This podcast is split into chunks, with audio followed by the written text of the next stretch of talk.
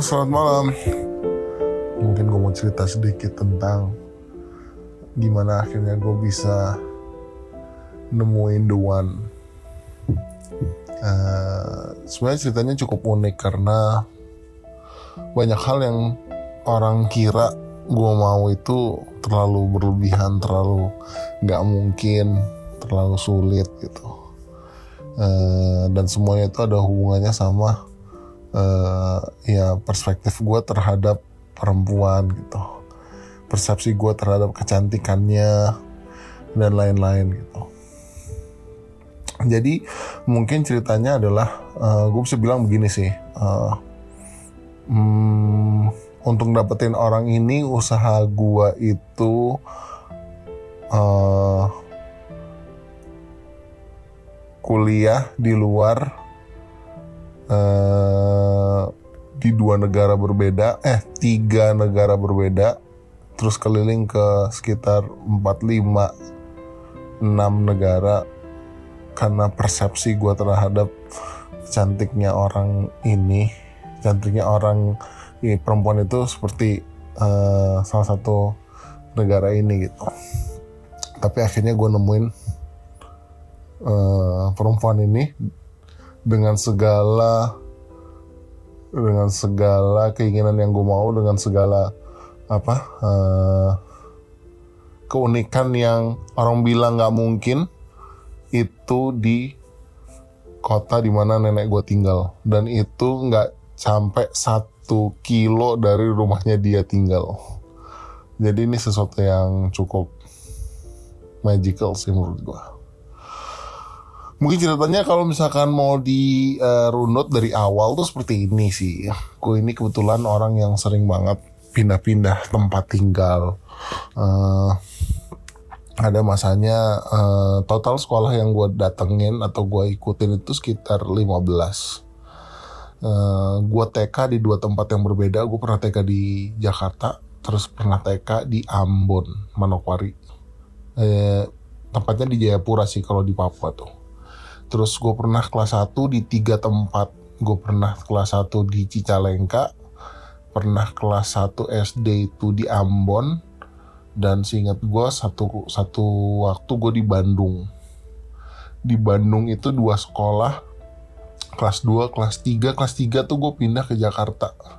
Di Jakarta gue sampai kelas 4 kelas 5 gue pindah ke Pakistan Uh, di sana gue ketemu ya bahasanya mungkin gue mulai dewasa dari kelas 5, 6, 1, 2 SMP di Pakistan Islamabad.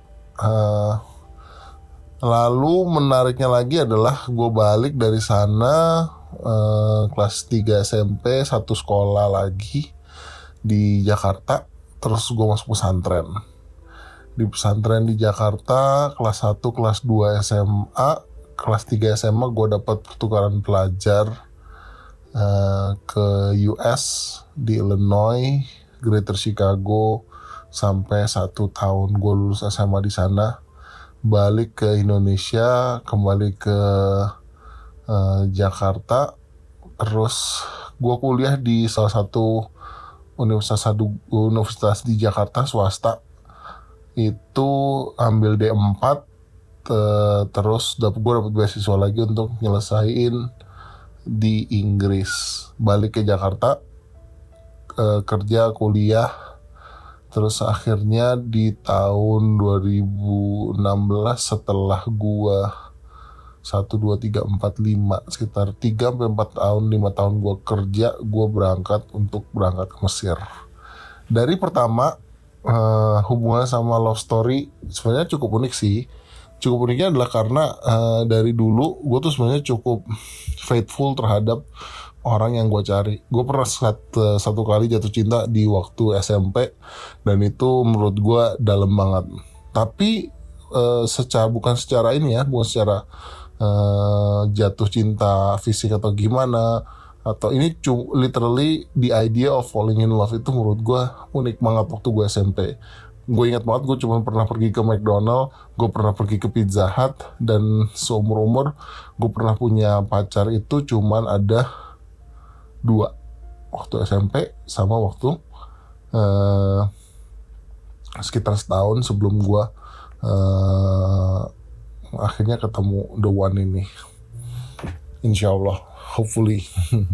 Nah jadi uh, in terms of cerita cinta cerita uh, ini cerita pacaran gue yang tadi pertama itu sebenarnya kenapa very deep? Karena the idea of uh, kita disukain sama orang itu menurut gue dalam banget. Kayak uh, padahal gue inget banget gue masih SMP tapi uh, memang keadaannya tuh masa-masa uh, puber ya. Karena nggak pernah punya pacar nggak pernah ke expose sama kesenangan pacaran tuh sebenarnya di mana itu gue nggak pernah tahu sebenarnya. Tapi ide bahwa ada orang yang suka sama lo karena eh, ya sayang sama lu karena hal-hal yang menurut gua ya cukup unik ya karena mungkin lucu kayak gitu-gitu tuh gua menurut gua ih lucu banget sih. Gitu. dan itu uh, dalam banget. Gua lima tahun setelah gua ya bahasanya mungkin putus ya dulu zamannya uh, cinta-cinta monyet tuh putus. Itu uh, setelah lima tahun gue tuh nggak pernah bisa ngelupain orangnya. Gue masih berpikir bahwa dia ini akan jadi uh, jodoh gue gitu Nah, tapi di tahun-tahun ke-6, ke-7 gue udah mulai sadar, udah mulai uh, apa ya, udah mulai uh, apa in control over my feeling. Gue sempat juga pernah deket lagi sama orang ini gitu, tapi emang uh, rupanya nggak nggak udah udah nggak ada gitu. Di pembelajarannya tuh sampai di situ aja gitu. Nah, semenjak gue dari dulu suka sama orang, gue tuh sebenarnya punya proporsi yang cukup unik karena uh, tempat tinggal gue yang mungkin menurut gue dewasa gue itu di umur-umur 5, 6, 1 S, 1, 2 SMP itu ada di Pakistan. Nah, negara ini tuh uh, proporsi wanitanya tuh cantiknya agak beda gitu. Ya mungkin karena gue lihat terus selama 4 tahun, 3 tahun, 4 tahun ya. Sehingga proporsinya tuh emang selalu mancung. Mancungnya pun beda. Mancungnya pun adalah uh, dia uh, bukan kayak mancungnya orang Arab. Orang Pakistan tuh lebih kayak orang uh, agak susah sih sebenarnya. Kalau misalnya lu ketemu orang India hidungnya tuh agak beda. Nah itu sebenarnya agak beda juga nih pokoknya orang Pakistan. Dan emang gue tuh punya proporsi yang emang di situ. Nah itu nggak biasa sebenarnya gitu Nah, uh, tapi itu nggak, ya gue tuh nggak menyadari itu bahwa sebenarnya proporsi yang gue suka orang yang itu soalnya mirip-mirip orang sana, gue tuh nggak nyadar sepenuhnya. Cuman itu sama kayak di bawah alam bawah sadar gue itu aja gitu. Nah, uh, uh, setelah gue uh, ya karena gue tahu proporsinya seperti itu, gue tuh selalu berpikir untuk nyari orang-orang yang punya itu ya proporsi kayak gitu gitu. Jadi waktu gue uh, lulus SMA, gue dapet uh, kesempatan pergi ke luar negeri ke US gitu. Gue selalu cari yang ya modelnya juga mirip-mirip gitu. Tapi emang nggak pernah ketemu gitu. Balik ke Jakarta uh, ketemu orang ikut uh, kontes ini eh kontes ini lagi. Gue pernah ikut satu kontes uh, abang none. Itu pun sama proporsinya juga sama. Jadi gue nggak ngeliat ada orang yang menarik di sana meskipun notabene cantik-cantik semua gitu. Tapi emang karena proporsi cantiknya berbeda aja gitu. Gue nggak punya eh, nggak uh, nggak melihat uh, cantik tapi nggak menurut gue ya udah biasa aja gitu. Nah uh, di masa-masa gue kuliah itu juga agak-agak unik. Karena pada akhirnya waktu gue kuliah gue dari uh, US balik ke Indonesia waktu gue ke Inggris di Inggris pun gue juga sama nyari orang-orang yang uh, ya punya proporsi kayak gitu. Gue bahkan ikut beberapa dating apps khusus uh, Islam ya gitu, yang seagama sama gue untuk nyari orang-orang uh, yang sebenarnya di Inggris banyak tuh orang Pakistan, orang India gitu, orang Arab ya gitu lah, orang-orang yang punya proporsi gitu. Cuman juga sama beberapa kali ngechat terus uh, sempat ketemu orang, tapi emang nggak pernah klop aja gitu. Nah tapi yang uniknya dari tempat-tempat di mana kayak yang uh, tempat-tempat gue tinggal yang sebenarnya adalah cukup bebas, entah kenapa tuh gue selalu punya uh, pola untuk uh, jaga diri gue dari ya perempuan lah gitu. Jadi gue tuh selalu dari dulu uh, bisa dibilang mungkin karena punya adik perempuan gue tuh selalu berpikir bahwa kalau misalkan gue mau dapetin perempuan yang baik, perempuan yang kayak nggak pernah di apa ya bahasa di jam orang, gue nggak boleh sampai tahap ke sana gitu. Dan itu gue jaga banget gitu. Entah kenapa gue kayak takut banget uh, kalau hubungannya sama perempuan jadi kalau misalnya gue deket sama orang terus akhirnya deket deket deket tahu terus tiba-tiba nggak cocok nggak akan gue tinggal gitu gue nggak pernah sampai tahap yang lain gitu nah itu juga selalu gue terapin karena uh, ya bukan karena hubungannya sama being spiritual atau religious ya tapi itu semata-mata karena emang gue menghargai juga gitu karena punya adik-adik perempuan juga ya tadi gitu. nah di Inggris juga sama tuh kayak tadi gue gue lanjutin bahwa akhirnya gue nyari-nyari ya nggak ketemu juga balik Indonesia kerja uh, ketemu terus uh, sampai akhirnya kenal lah. Di pada akhirnya 2016 tuh gue berpikir bahwa gila gue udah cukup umur 24 2 eh 25 2 eh, 26 27 lah waktu itu. Gue mesti cari emang pendamping di mana ya, kira-kira yang ini gitu. Nah waktu itu gue emang ada kepikiran tuh uh, ngambil kuliah lagi uh, cuman ada di Turki. Cuman di Turki itu pun gue harap sebenarnya uh, pembelajarannya adalah kayak ketemu orang yang ya kayak percampuran ya blasteran gitu. Masih Islam tapi punya apa punya muka yang uh, ke timur tengahan atau ke Eropaan gitu. Nah terus uh, tapi waktu gue berpikir untuk berangkat ke Turki di Turki itu dia buka agak agak beda tuh dia punya enrollment tuh di bulan-bulan Juli gitu. Nah, uh, eh, gue berpikir lalu gue mau berangkat ke Mesir dulu lah, gue mau belajar bahasa Arab karena gue dulu pernah belajar bahasa Arab di Indonesia gitu. Uh, ya di pesantren gue. Gue berangkat ke sana, jalan sekitar um, dua uh, dua bulan tiga bulan. Gue tahu ini bakal lama. Terus akhirnya gue uh, sampai enam bulan tuh belajar bahasa Arab. Sampai akhirnya gue ngerasa bahwa gila ini negara enak banget, tinggal murah uh, terjangkau orang-orangnya seru punya culture. Menurut gue uh, penting tinggal di satu tempat yang punya culture budaya. Dan itu agak menarik karena eh, negara-negara Arab yang lain mungkin kayak Dubai, Abu Dhabi, Qatar, Bahrain itu negara-negara yang sekarang mungkin notabene agak susah lo nyari ketemu orang Arabnya gitu. Apalagi uh, punya keluarga sama mereka itu udah agak susah. Nah Mesir ini masih agak cukup unik lah gitu dan akhirnya ya bener aja gue ke sana sambil nyari-nyari sambil kuliah. Akhirnya gue nggak jadi berangkat kuliah ke Turki gue kuliah di sana. Itu nyari-nyari juga kesempatan lewat dating apps yang benar-benar Islam juga. Cari orang-orang Indonesia yang kuliah di sana. At, bahkan gue nyari orang-orang uh, akhirnya karena gue kuliah akhirnya gue nyari orang-orang yang satu kuliah sama gue tapi memang karena strata yang gue ambil di sana adalah master yang terjadi adalah banyak dari yang kuliah umurnya udah uh, ya lebih tua atau sama atau uh, jarang ya sama bahkan. Sebenarnya lebih tua bahkan gitu. Cuman akhirnya ya nyari cuman nggak ketemu juga. Satu dua sempat deket tapi nggak juga cocok gitu. Nah flash and sampai uh, tahap akhirnya uh, gue ke Jakarta lagi. Terus uh, ini kejadiannya agak unik. Gue waktu di Jakarta sempat belajar untuk masuk consulting.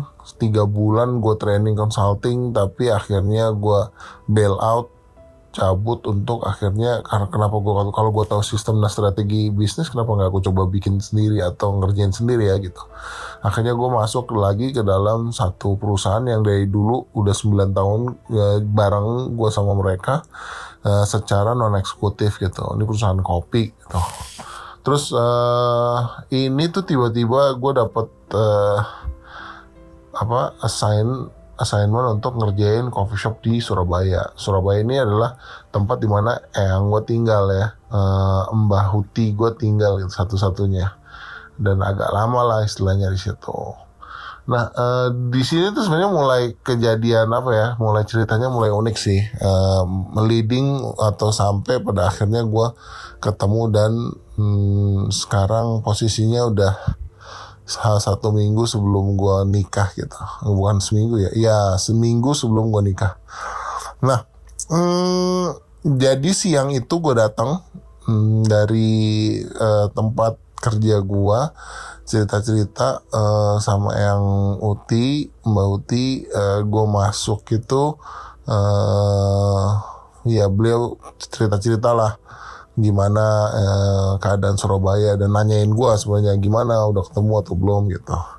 Terus uh, gue jalan di sana satu minggu dua minggu biasa aja gitu. Sempat gue minggu ketiga hmm, gue balik ke Jakarta Uh, terus kelas ke Jakarta dari waktu gue ke Jakarta itu uh, ada kakak gue yang udah eh, kakak uh, om gue yang udah suku sakit. Uh, konon kena covid lah gitu. Terus akhirnya gue bah uh, di Jakarta balik kerja di sana dua minggu. Pas gue balik ke Surabaya yang kedua atau yang ketiga gitu itu dalam keadaan si om gue ini uh, meninggal dunia gitu. Dan gue di situ uh, tak agak pus agak ini ya agak bingung gitu waktu ke rumah eyang gue mbah itu gue tuh. Karena pada akhirnya uh, ini adalah anak pertama dia yang meninggal dan uh, dari situ gue udah bisa ngeliat bahwa uh, keadaannya tuh berubah banget gitu. Nah siang-siang gue ke sana uh, mbah huti gue nih mukanya tuh per pertama kali seumur hidup gue ngeliat sedih banget uh, apa uh, matanya merah habis nangis. Terus uh, yang meninggal pun anak yang nomor tujuh nomor enam atau nomor tujuh gitu. Terus akhirnya dalam keadaan itu sebenarnya menurut gue ada satu waktu di mana gue ngerasa bahwa ah gila nih apa yang bisa gue uh, apa yang gua gua buat buat dia seneng nih gitu apalagi dalam keadaan sedih gini apa ya gitu. Dan ini pikiran gue adalah apa yang harus gue lakukan untuk bikin dia seneng dari sini gitu. Dari dari saat ini gitu. Dalam keadaan kayak gitu gue ngeliat dia dia ngeliat gue dia bilang dia nanya tuh oh, gimana? Udah dapat belum sama calonnya? Gitu. Udah dapet calonnya belum? Gitu. Wah dari situ gue kayak berdoa sama Allah sama yang di atas ya Robby ini kalau misalkan seandainya bisa bikin dia seneng ini dong kirim lah gue bilang jodoh gue gitu. Nah uh, entah kenapa hari itu adalah hari terakhir gue di Surabaya juga gitu. Uh, ini flash uh, setelah satu minggu uh, siang itu gue mau dikenalin sama tante gue, sama tante gue sama teman sama keponakan temannya dia gitu. Cuman uh, pada siang itu juga uh, ini setelah satu minggu ya gue punya doa sama ketemu sama yang gue tadi yang doa gue minta uh, semoga dipercepat gitu jodohnya. Satu minggu kemudian gue mau balik ke Jakarta siang-siang tante gue bilang gimana mau dikenal nggak nih tante punya teman orang Arab katanya gitu. Sebenarnya gue udah cukup skeptis tuh udah cukup skeptis karena gue tahu uh, orang Arab ini kalau di Indonesia nggak mungkin lo dapet susah lah Eh, seribu sepuluh ribu yang satu lah karena mereka udah tahu siapa yang mau dinikahin. Bahkan orang tuanya tuh yang set acara set meeting sama siapa dan sama siapa mereka bakal diterima. Jadi gue kayak udah skeptis gitu. Dan pernah gue juga deket sama orang Arab. Dan kejadiannya juga agak miris. Gue udah deket sebulan dua bulan tiga bulan eh nggak nyampe sebulan dua bulan lah. Mungkin sebulan dua bulan. Ngobrol tiba-tiba satu waktu dalam keadaan gue juga udah sering ngobrol sama dia nyokapnya telepon kalau orang ini anak ini tuh udah mau nikah gitu tiba-tiba gue di, diundang untuk datang ke pernikahan dia. Jadi gue kayak wah emang bener sih. Nggak bisa sih gitu. Nah tapi siang itu entah kenapa gue berpikir kayak ya ampun ya gue tahu nih lu skeptis. Tapi karena yang nawarin dia uh, tante gue dan gue nggak mau bahasanya ngecewain dia gue bilang iya deh boleh tante gitu Nah kebetulan uh, eh, gue tinggal di rumah tante gue ini, rumah tante gue sama rumah yang gue ini uh, ada agak berjarak lah sekitar 2 kilo 3 kilometeran lah. Di tengah-tengah antara rumah yang gue sama rumah tante gue ini ada apotek. Nah apotek ini adalah tempat di mana si calon gue ini di mau dikenalin gitu. Calon yang mau dikenalin ke gue ini di sana dia. Hmm, jalan satu waktu siang-siang gue udah bilang iya iya iya nanti nggak apa-apa nanti kalau misalnya mau kenalan kita cari waktu aja gitu. Di perjalanan dari rumah yang gue ke rumah tante gue gue kepikiran hmm ini tuh di jalan gue entah kenapa dalam hati gue tuh gundah uh, bilang bahwa gila lu tuh disuruh ikhtiar suruh usaha aja tuh nggak mau gitu mau dikenalin aja belum tentu cocok belum tentu jodoh kali. Gitu lu baru dikenalin doang nih gitu. Uh, dan bahkan kalau misalkan dalam dalam hati gue tuh bilang bahkan lu tuh gak belum tentu ketemu sama orang yang kali. Ini apotek gitu dia juga punya apa bagian bukan orang yang cuma nungguin doang dia apotekernya gitu yang belum tentu ada gitu. Di tengah jalan gue langsung banting setir gitu aja tuh kayak berpikir wah gila nih kalau gue nggak ikhtiar gue ngelewatin gitu. Meskipun gue tahu agak susah gue belum tahu ini jodoh atau bukan gitu. Tapi akhirnya gue masuk ke dalam hmm, gue pesan obat uh, multivitamin tadinya yang gue mbah huti gue itu dan nawa udah nitipin apa obat khusus buat dia. Tapi saking gue udah juga skeptisnya saking gue pikir gue bisa beli di mana aja tuh obat gue nggak inget lagi obatnya apa. Akhirnya gue beli multivitamin di sana ngobrol sama pegawainya dan dia ada di situ.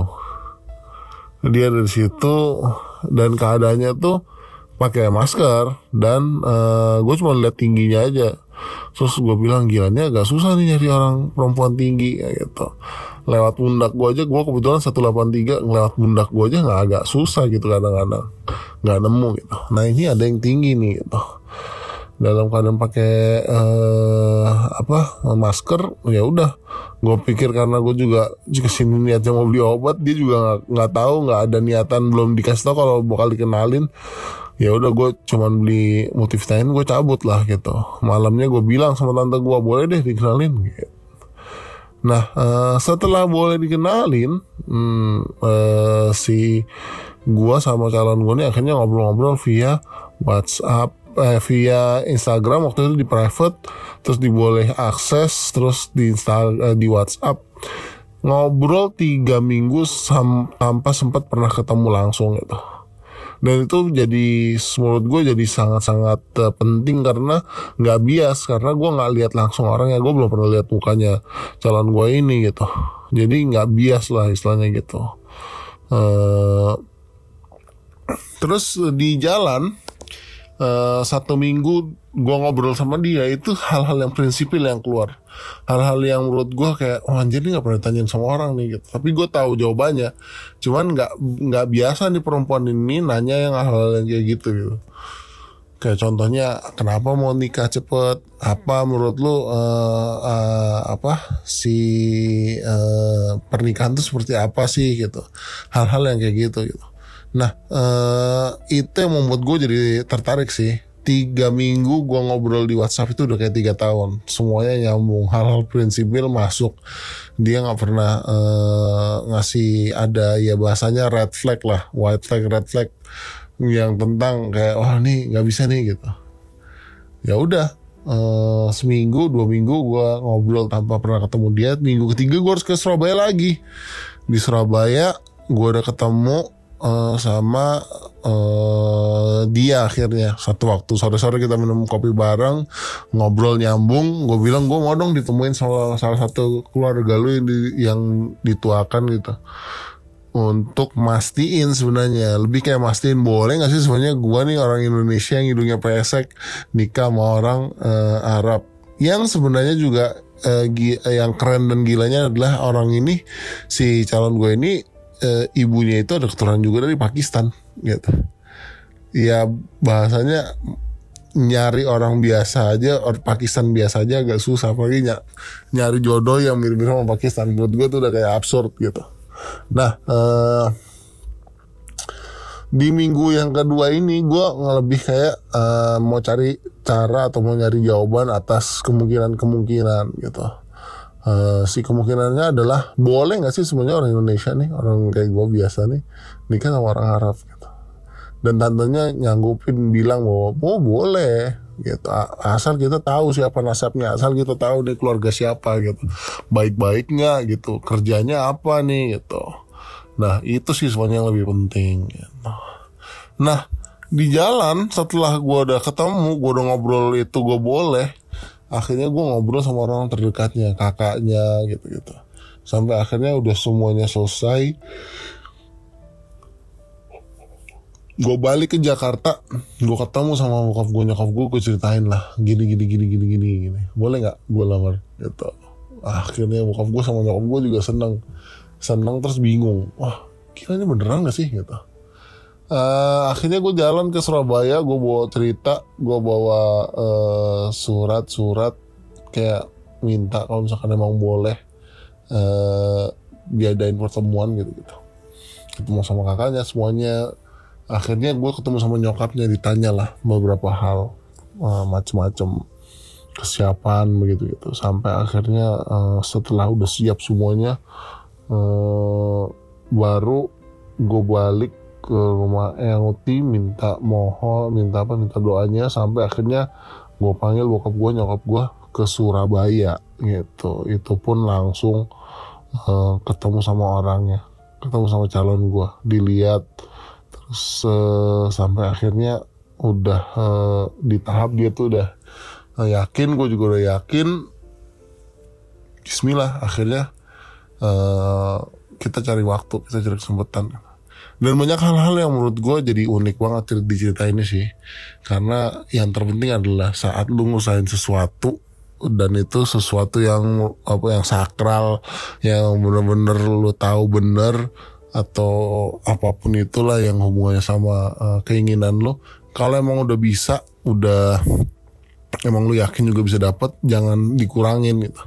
Tapi lu tambah oh, apa lu tambah istirahat hubu, eh, lu tambah istirahat lu, lu tambah doa lu tambah ibadah lu minta semua yang di atas untuk akhirnya bisa nemuin lu sama uh, calon si suami dan istri lu ini gitu. Nah udah akhirnya uh, nyokap gua bokap gua udah yakin gua panggil ke sini. Terus akhirnya uh, kita mau ngelangsungin uh, pernikahan itu gitu. Nah pernikahan itu dan uniknya adalah kalau misalnya dirunut banyak hal yang sebenarnya uh, kita berdua tuh gue sama calon gue nih akhirnya saat udah mengikhlaskan baru dikasih gitu. Dia ini orang Arab turunan Arab berharap cuman maunya dapat orang Jawa padahal di keluarganya benar-benar ditentang dan nggak mungkin orang sini kalau misalnya apalagi kalau misalnya lo orang yang emang farmnya gede wah kira lu pasti dapat Arab lagi gitu nah dia nggak mau nih dia punya orang Jawa katanya tapi setelah uh, berjalan uh, eh, gue tanya-tanya ah, saat dia udah berpasrah diri untuk nggak dapetin oh nggak apa-apa deh gue orang Arab aja gitu itu sama Allah sama yang di atas dikasih. Begitu juga sama kayak gue. Gue nyari perempuan di seluruh penjuru santero jagat dengan beberapa negara yang gue yakin bakal ketemu sama orangnya. Eh, saat gue ikhlasin, gue nggak apa-apa deh nggak dapet orang yang luar negeri, nggak dapet orang yang mancung gitu, yang persepsi perspektifnya kayak orang Arab itu. Tapi yang penting ya gue bisa menerima lah gitu terus pada akhirnya gue malah dikasih uh, rezeki untuk ketemu sama orang yang yang ya bisa dibilang ya Arab Pakistan gitu. Tempat di mana gue dulu tinggal gitu. Nah sampai akhirnya uh, sekarang kita udah dekat-dekat hari H. Makin nemuin banyak-banyak hal yang aduh apa cuman cuman yang di atas aja yang tahu gitu. Hmm, gue yang uh, notabene seneng di belakang layar ya ya seneng aja akhirnya bisa nemuin orang yang yang gue rasa dulu agak nggak mungkin ditemuin sekarang malah bisa ditemuin gitu